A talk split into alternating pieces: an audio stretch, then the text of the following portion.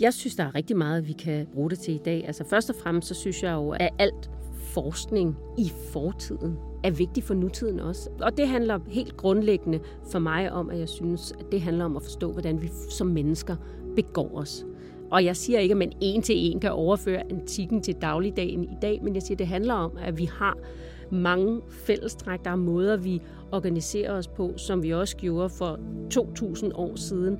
Det, der interesserer mig, og den nysgerrighed, der driver mig på de her antikke døde samfund, der ikke findes mere, det er sådan set at se på, hvordan man kan ekstrahere, altså hvordan man kan trække den viden ud af det data, som vi har fra antikken.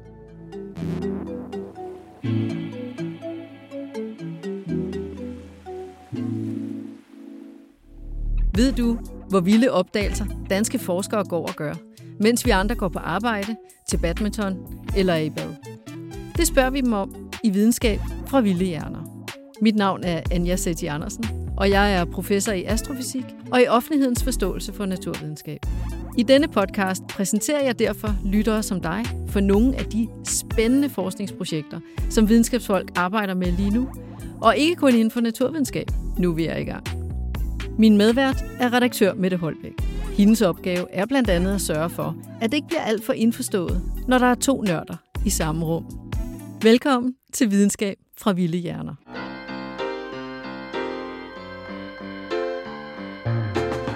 I dette afsnit der taler vi med Rubina Raja.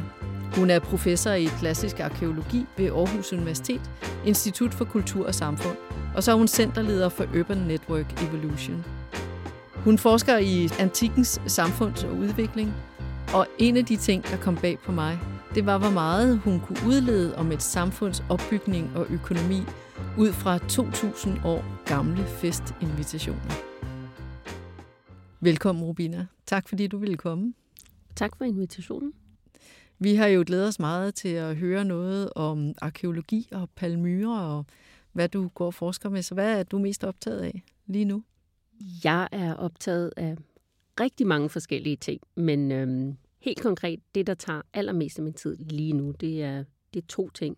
Det er en bog, der skal handle om alternative økonomier i antikken, og så er det at lave det her store portrætkorpus færdig af alle de her palmyrenske portrætter. Og faktisk så spiller de to temaer noget mere ind i hinanden, end man vil tro når man lige hører. Hvad er et portrætkorpus? Ja, et portrætkorpus er øhm, i det her tilfælde en stor samling af portrætter, altså selvrepræsentationer af, af individer, og i det her tilfælde er det gravportrætter, altså portrætter fra den romerske periode, de tre første århundrede efter vores tidsregning. Er det masker eller skulpturer eller Nej, malerier? det er skulpturer, øh, ja. i det her tilfælde lavet af kalksten, midt ude i den syriske ørken. Og Glyptoteket, altså Ny Carlsberg Glyptotek her i København, har faktisk den største samling uden for Syrien selv. Og deraf udsprang min interesse for de her portrætter for mere end 10 år siden. Så det er et arbejde, du har været i gang med i 10 år, som du skal have afrundet? Det er et arbejde, som jeg har været i gang med i over 10 år sammen med en øh, gruppe juniorforskere og andre seniorforskere, jeg senere har involveret os, ja. Men alternativ økonomi, hvis vi lige kan starte med det, ikke? skal vi ikke lige høre om det? Jo, jo og, og specielt hvordan det spiller sammen med portrætter. Ja, altså alternative økonomier handler om ikke pengebaserede økonomier i antikken. Altså alt det, vi ikke kan se. Vi ved, at penge ikke var ligesom den grundlæggende måde, man nødvendigvis betalte på i, i antikken. Og nu taler jeg sådan mere specifikt om den romerske periode, fordi det er mit speciale område, altså de tre første århundreder efter vores tidsregning blandt andet. Og jeg har arbejdet med urbane samfund i mange år, også inden for rammerne af det Grundforskningsfondscenter, Center for Urban Network Evolution, som jeg har ledt siden 2015. Og øhm, i urbane samfund spiller økonomi selvfølgelig en stor rolle. Og hvis man ikke kan se, hvordan man har betalt, altså hvordan kan vi så potentielt med arkeologisk materiale komme tættere på, hvordan man faktisk har betalt i ikke-monetære valutaer. Og hvordan finder I ud af, at der er noget, I mangler at finde ud af? Det er fordi, der ikke var penge, eller der sker så meget, men der var ikke I kan ikke tracke nogen penge på det? Eller? Ja, fordi man havde jo mønter i hvert fald, ikke? Det er et rigtig godt spørgsmål. Ja, man havde mønter, men vi ved også bare, at man ikke havde mønter nok til at basere en, en hel økonomi, og også, at der ikke altid fandtes så små mønter, som man skulle bruge til dagligdags transaktioner. Og der er det jo, at der kommer et andet tema ind, som øhm, jeg synes er rigtig vigtigt, øhm, og det er nemlig tillid. Altså øh, tillid og kontrol i samfund, som altså ikke monetær økonomi er jo baseret på tillid på den ene side og kontrol på den anden side. Ja, det er så nogle helt grundlæggende principper, men det siger jo ikke så meget om den data, vi kan arbejde med. Og der er øh, den store udfordring, at der ofte ikke er den data tilbage. Og i løbet af alt mit arbejde, jeg har udført på Palmyra i Syrien, altså den her oaseby midt i den syriske ørken mellem Øvfratfloden og Middelhavet, på de her portrætter, samlet mere end 4.000 over de sidste 10 år og kigget på byens udvikling, på fødevaresikkerhed, på indskrifter og alt sådan noget, så slog det mig lige pludselig, at hvis man begyndte at sammenligne udviklingen af alle de her grupper af materiale, må ikke man så kunne begynde at sige noget mere om byens og samfundets økonomi, og derfor også de ikke pengebaserede økonomier, som har været et stort grundlag for byen også. Så hvad er ikke penge? Er det sådan noget med, at jeg har noget uld, eller jeg har et brød, eller, eller jeg har, en, har en planke? Eller, en datter ja. og en hund, eller... Altså, blandt, blandt andet nogle af de, af de her ting, som selvfølgelig er forsvundet. Altså naturalie økonomien. Altså blandt andet med dyr, men også med arbejdskraft. Det kunne jo også være med øh, kunstgenstande, øhm, og det kunne også øhm, specielt være i religiøse sammenhænge. Øhm, nu var religion i antikken ikke det samme, som det er for os i den vestlige verden, hvor kristendommen ligesom er basis for, for hele vores øh, kulturbevidsthed. Altså religion stod ligesom ikke til diskussion i antikken. Altså det var et politistisk samfund, og religion og den måde, religion blev udøvet på, var også ofte en måde at udøve social interaktion på. Og der har vi noget rigtig interessant evidens, altså materiale fra Palmyra, som handler om den måde, man afholdt religiøse banketter på. De religiøse grupper imellem og inden for præstegrupperne, som sjovt nok bestod af den mandlige elite fra Palmyra. Så det var ligesom deres måde at mænge sig med hinanden, hvor der også var udveksling af økonomi involveret. Og banketter, det er, hvad jeg tror, det er. En fest banketter, med mad og vin. banketter er, hvad, hvad, hvad det lyder af, nemlig øhm, fester med mad og vin. Og interessant nok, at det her materiale, som jeg har arbejdet med her øh, for nylig også, nogle meget, meget små banketindgangsbilletter i ler, øhm, hvorpå man har en afbildning af den, der har inviteret til den her banket. Ofte så har man en mini-indskrift. Altså, man skal forestille sig, at de kun er sådan 3 cm gange 3 cm. Altså, det, det er de store af dem. De er også mindre. Og der er så en afbildning af den, der inviterer til banketten. En mini-indskrift nedenunder, hvor der står hans navn. Og på den anden side er der så mm, billeder af repræsentationer af guder eller astrale symboler. Nogle gange er den mad, man vil få, eller den drikke, der vil blive udleveret ved banketten. Så de her små bitte lærbilletter, som Ny Carlsberg Bibliotek faktisk også har nogle af, de siger faktisk rigtig meget om, hvad der foregik i det her samfund, og hvad man udvekslede. Altså både rent konkret sådan mad- og drikkemæssigt ved de her banketter, men selvfølgelig også religiøst og derfor også socialt. Altså og, og hvorfor kalder du det økonomi og ikke bare en fest med god mad? Ja, fordi man skal jo også tænke på, i antikken, så var der jo ikke øh, på den måde overflod af, af ting. Altså sådan noget med at, at spise kød for eksempel, det var jo noget, der var forbeholdt bestemte øh, sociale lag i samfundet, eller bestemte tidspunkter på året. For eksempel religiøse festivaler, hvor der var nogen, der finansierede, at øh, dyr blev slagtet og blev grillet eller kogt, eller hvad man nu kunne gøre med kød. Noget af det blev offret til guderne. Heldigvis så var det fedtdelene, der blev offret til guderne, så menneskene faktisk kunne få kødet at spise. Så det er jo også en form for samfundsøkonomi, at man deler, man omfordeler goder i et samfund, øh, får selv noget social kapital på den måde og opbakning, og uddeler af sin rigdom. Så det er sådan et perspektiv på det her med alternative økonomier. Og hvad kunne være et andet? Altså, hvad kunne det ellers have udvekslet, som I kan finde spor efter? Ja, igen, det der med at finde sporene, det er jo det, der er rigtig svært. Vi har for nyligt i en af de forskergrupper, øhm, jeg leder, arbejdet rigtig meget med fødevaresikkerhed og set på blandt andet indskrifterne fra den romerske periode i Palmyra. Der findes over 3.000 indskrifter. Det er rigtig meget, når man tænker på, at det bare var ét sted ude i den syriske ørken. Det lyder måske ikke så meget for, for folk, der arbejder med andre former for ting, men det er virkelig mange indskrifter fra et sted. Og når man kigger på dem over tid, så kan man potentielt også se en udvikling i, hvad for nogle former for ting, man har skrevet om i de her indskrifter. Altså en ting er karavanehandlen. Hvad har karavanerne haft med igennem byen? Men det var jo ofte varer, der skulle fra øst til vest eller fra nord til syd, og ikke ting, der blev i byen. Men andre indskrifter og afbildninger af dyr og, og frugt og grøntsager fortæller os jo noget om, hvad der cirkulerede lokalt i samfundet. Så de lokale ressourcer er også en del øhm, af det, der har indgået i, i de her alternative økonomier. Altså Palmyra, grund til, at den ligger der, hvor den ligger, det var, fordi det var sådan et karavanestop, hvor folk så kunne få friske kameler og, og bytte med hinanden, eller Altså, altså var det mest sådan at, at tænke på som en tankstation, eller var det egentlig også sådan en handelsområde, hvor man så ligesom, så kom der noget silke den ene vej, og så kom der noget andet den anden vej, og så mødtes man der, byttede, og så gik man tilbage igen? Eller var det et stop, hvor man fortsatte? Det er også et godt spørgsmål. Altså, Palmyra ligger der, hvor den gør, fordi det er en oase. Altså, så der er vand hele året rundt. Og det gjorde jo, at helt tilbage i forhistorisk tid, så var der allerede øh, bosættelser i området. Man ved ikke frygtelig meget om den, fordi igen, den nye by er jo ligesom, eller den hellenistiske og romerske by er bygget oven på øh, de forhistoriske levn. Men først og fremmest, så kommer der altså en bosættelse, fordi der er adgang til vand.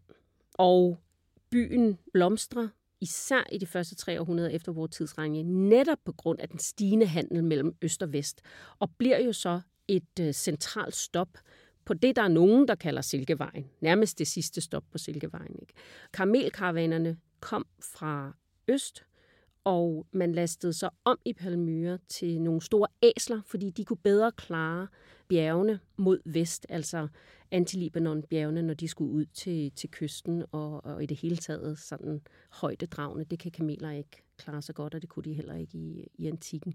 Så på den måde så blev det en meget, meget rig by, fordi det var den mandlige palmyrenske elite, der også var med til at organisere den her globale karavanehandel også. Og de, de organiserede ikke bare kamelkaravaner, de organiserede faktisk også skibskaravaner.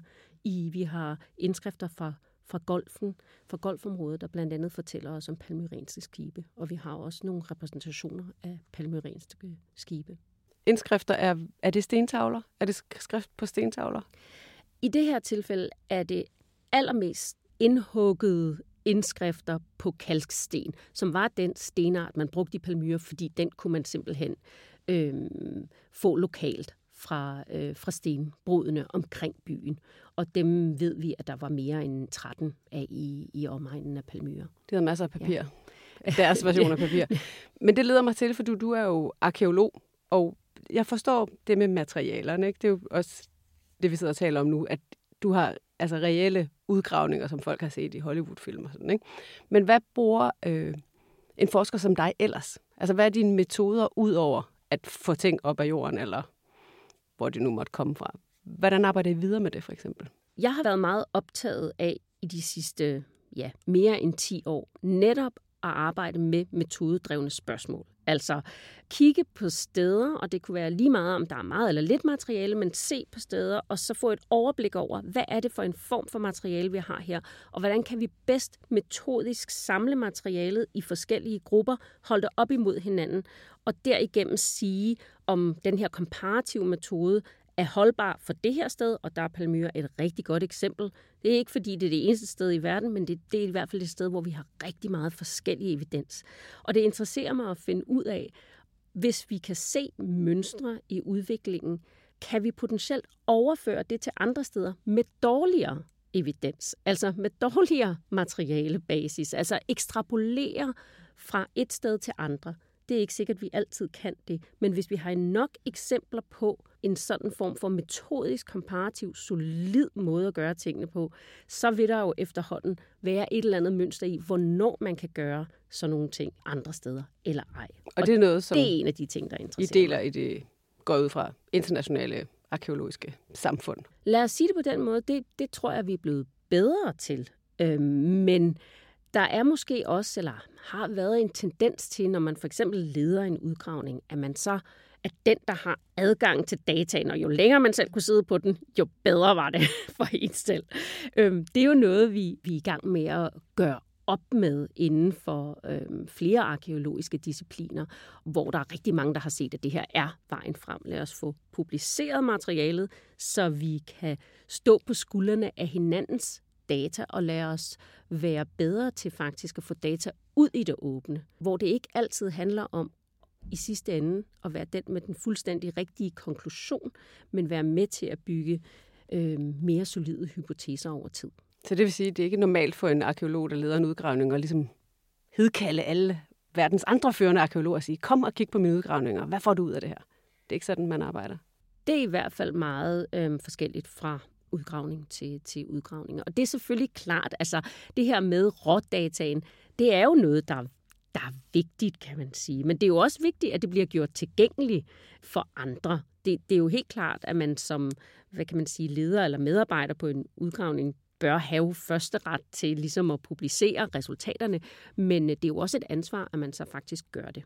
Der er i hvert fald blevet bedre muligheder for det, tænker jeg, digitalt. Altså ved at man, så kan man jo lægge foto op af de forskellige ting og beskrivelser af, af de forskellige ting. Men det tager jo selvfølgelig tid og kræver ressourcer, og den, der sidder og gør det, kan jo ikke lave noget andet. Så er det sådan et mål? Til, altså fordi i astronomi, der har vi meget øh, open source. Altså så der er sådan, at øh, det var for 50 år siden, så var det professorens egne data og egne glasplader, der lå ned i en skuffe på et eller andet skrivebord. Men nu er det meget, at det hele er offentligt tilgængeligt, og det hele ligger tilgængeligt ude på nettet, og alle arkiverne er fælles. Og er det i virkeligheden også en trend hos jer i arkeologi? Ja, det er det helt sikkert. Der findes jo x antal forskellige platforme og repositorier, hvor man kan uploade sine data og have den, så den også kan blive delt med, med også folk uden for arkeologien for, for den sags skyld. Men lige netop en af de der ting, du nævner nemlig, det er jo igen det der med, hvis det ikke er standardiseret, hvordan bruger man så andre folks data? Og der er det her portrætkorpus, som nu indeholder mere end 4.000 portrætter fra, fra Palmyra, måske et meget godt eksempel. Øhm, der har vi selvfølgelig en kæmpestor database, som nu jo blev udviklet for omkring øhm, 11 år siden. Den er på nogen måde, en database er jo aldrig perfekt. Øh, der kommer jo kun det ud af en database, som man selv har puttet ind i den, og ting udvikler sig. Den vil, når, når projektet nu her øhm, er helt færdigt senere i år, så vil den blive gjort offentligt tilgængelig simpelthen for alle. Men samtidig så vil der også komme en kæmpestor publikation i 16 bind, hvor alle de her beskrivelser også sammen med vores analyse bliver tilgængeliggjort for andre folk. Og det tror jeg, det er en meget vigtig ting at, at sige om arkeologisk og på den måde humanistisk rådata, at vi faktisk også har brug for det der analysefilter mm. på det, for faktisk at gøre det ordentligt tilgængeligt for andre. Og sige, jamen vi har truffet de her og de her valg, her er vores rådata, nu kan I gøre med det, hvad I vil. Men det giver vel også fremtidige arkeologiske forskere og andre discipliner for den sags skyld mulighed for at så stille sig på skuldrene af dig og det materiale, som du nu har brugt indtil videre 10 år på at finde frem og analysere, ikke? Jo, jeg er ret overbevist om, at det her faktisk vil drive feltet til et paradigmeskifte inden for portrætforskning. Det, det bliver det nødt til at gøre, for det her bliver den største gruppe af portrætter fra den romerske periode, der nogensinde bliver publiceret samlet. Så jeg ser kun det her arbejde, selvom det er monumentalt, som første skridt på vejen. Og så kan andre jo ja, gøre du lander tilbage, de når du bliver pensionist med uldtæppet og glæder dig til at se, hvad der sker.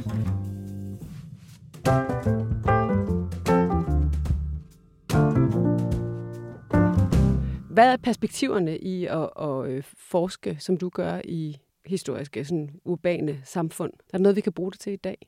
Eller fremover? Jeg synes, der er rigtig meget, vi kan, vi kan bruge det til i dag. Altså først og fremmest, så synes jeg jo, at, øh, at alt forskning i fortiden er vigtig for nutiden også. Og det handler helt grundlæggende for mig om, at jeg synes, at det handler om at forstå, hvordan vi som mennesker begår os. Og jeg siger ikke, at man en til en kan overføre antikken til dagligdagen i dag, men jeg siger, at det handler om, at vi har, menneskeheden har mange fællestræk. Der er måder, vi organiserer os på, som vi også gjorde for 2.000 år siden. Det, der interesserer mig, og den nysgerrighed, der driver mig på de her antikke døde samfund, der ikke findes mere, det er sådan set at øhm, se på, hvordan man kan ekstrahere, altså hvordan man kan trække den viden ud af det data, som vi har fra, fra antikken. Og så mener jeg bare, at vi kan lære utrolig meget af, af begivenheder fra, øhm, fra fortiden, også i dag. Er der noget af det, du har fundet ud af, som sådan er kommet bag på dig? Altså hvor du som udgangspunkt tænkte, det nok hang anderledes sammen, eller, og det kan jo både være positivt eller negativt, man får bekræftet eller afkræftet øh, en tese, man havde. Altså, der er, der er en meget konkret ting, som jeg publicerede nu i, ja, hvornår det er, i 2021, sammen med dele af, af min Palmyra-forskergruppe, som øh, kom rigtig meget bag på mig, da vi faktisk lavede den analyse. Og, øhm, og det var, at man kunne se, og det er igen for at gå tilbage til, til Palmyra, at man kunne se, at den økonomiske nedgang begyndte en hel del tidligere, end vi har troet indtil videre. Øhm, og det har vi troet på grundlag af historiske kilder omkring at Palmyra blev invaderet af romerne i det sene 3. århundrede i 272 og igen i 273 efter vores tidsregning. Men vi kan simpelthen se på portrætproduktionen, at den fuldstændig stagnerer meget tidligere, nemlig omkring 240 efter vores tidsregning. Og det har vi hængt op på det faktum, at der sker nogle store partiske invasioner meget længere østpå, nemlig i Dura Europos ude ved Øfratfloden og i Hatra endnu længere østpå. Øhm, og at palmyrenerne derfor faktisk mobiliserede hele deres her for at tage over østpå og hjælpe. Og hvorfor skulle det have en indflydelse på portrætproduktion? Ja, men det skulle det, fordi det var mænd, der lavede portrætterne, det var mænd, der betalte for dem, det var familiefædrene der, og eliten, den mandlige elite, der finansierede hæren også. Og der kan man altså se af min hypotese, at al økonomien og mandekraften, så at sige, rent bogstaveligt talt, bliver hævet ud af byen meget tidligere, end vi indtil videre har troet.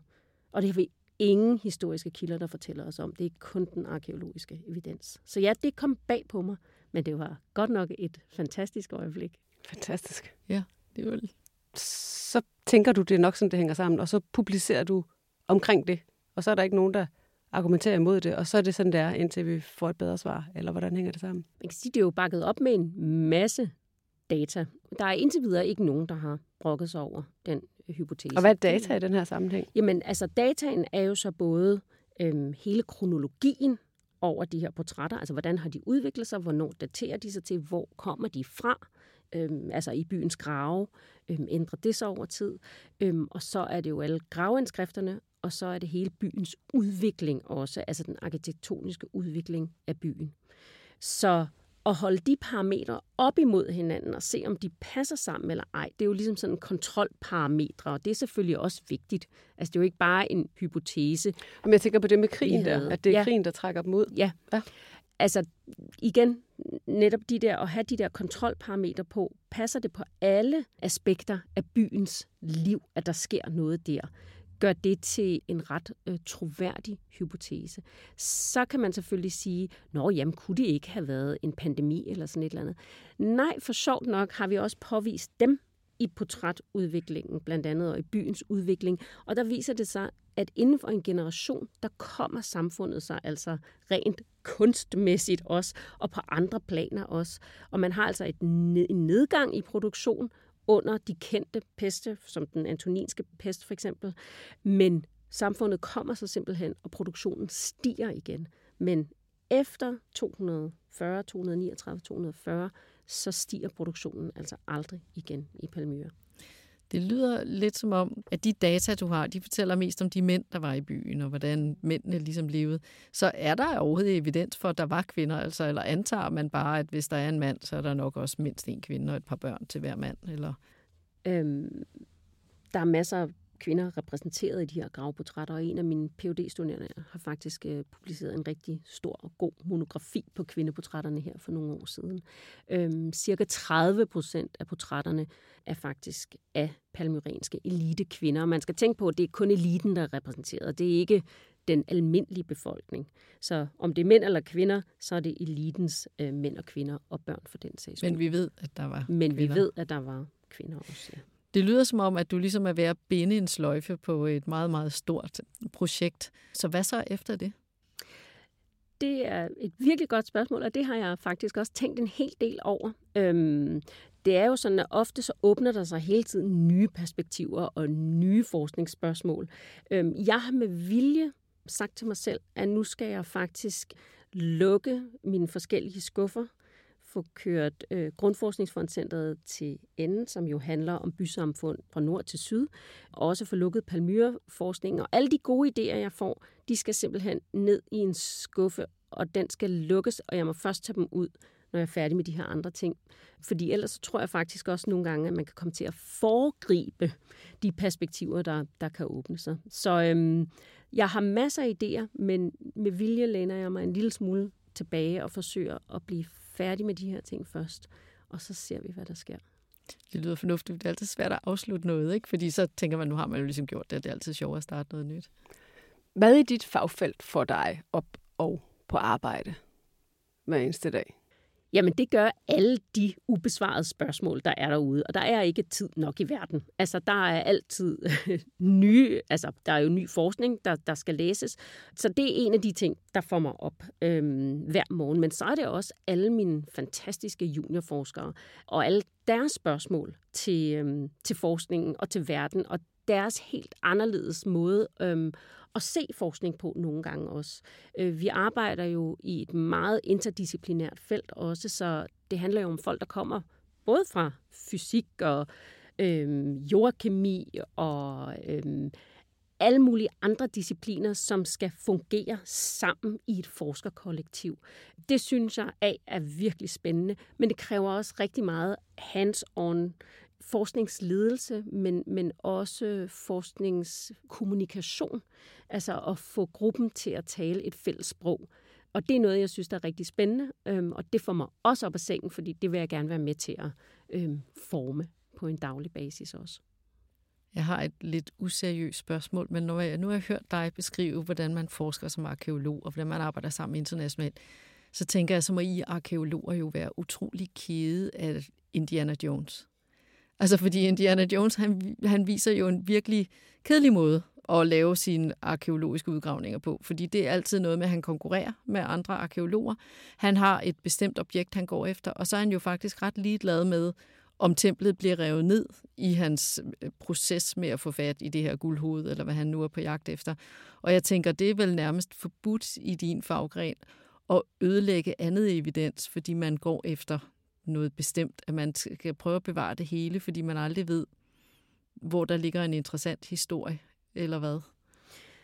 Altså nu er arkeologi jo i sig selv en destruktiv videnskab, fordi i det øjeblik, du sætter spaden i jorden, så ødelægger du jo noget, uanset om du vil det eller ej. Du ødelægger jo den jord, du, du tager væk. Så det der med fuldstændig at bevare, det gør vi jo ikke uanset hvad. Og det er også derfor, jeg synes, man virkelig skal overveje rigtig grundigt. Er der brug for det der nye hul i jorden, eller den der nye udgravning? Og hvad er de forskningsspørgsmål, vi faktisk gerne vil have på bordet? Altså virkelig overveje dem, før man stikker spaden i jorden, så at sige. Øhm, men Indiana Jones har da garanteret gjort noget godt for, for opmærksomheden på arkeologien i sin tid. Øh, min lillebror sagde da i hvert fald til mig, da jeg gik i gymnasiet, ej, du ville da sikkert blive en rigtig god arkeolog. Og det sagde han, fordi han havde set Indiana Jones. Hvad har du fundet ud af om mennesket ved at studere fortidige mennesker på den måde, som du har gjort? Lige nu vil jeg sige, at jeg er ret overbevist om, at det, jeg har fundet ud af, det er, at øhm, nogle samfund i hvert fald, nogle af dem, jeg har beskæftiget mig med, var i langt højere grad tillidsbaseret, end vi har troet hidtil. Og at vi skal til at arbejde meget mere med de her to perspektiver, nemlig tillid og kontrol, på en anden måde, hvor tilliden måske skal oppes en lille smule i vores hypoteser i forhold til bare kontrollen. Er der et budskab til os, der lever i dag i det? Blive ved med at have, have tillid til, hin, til hinanden. Vi lever jo i en, i en tid fyldt med omvæltninger. Vi er omgivet af krige og konflikter, og øh, vi har lige en pandemi bag os. Der er alt muligt grund til ikke at ville have tillid til andre.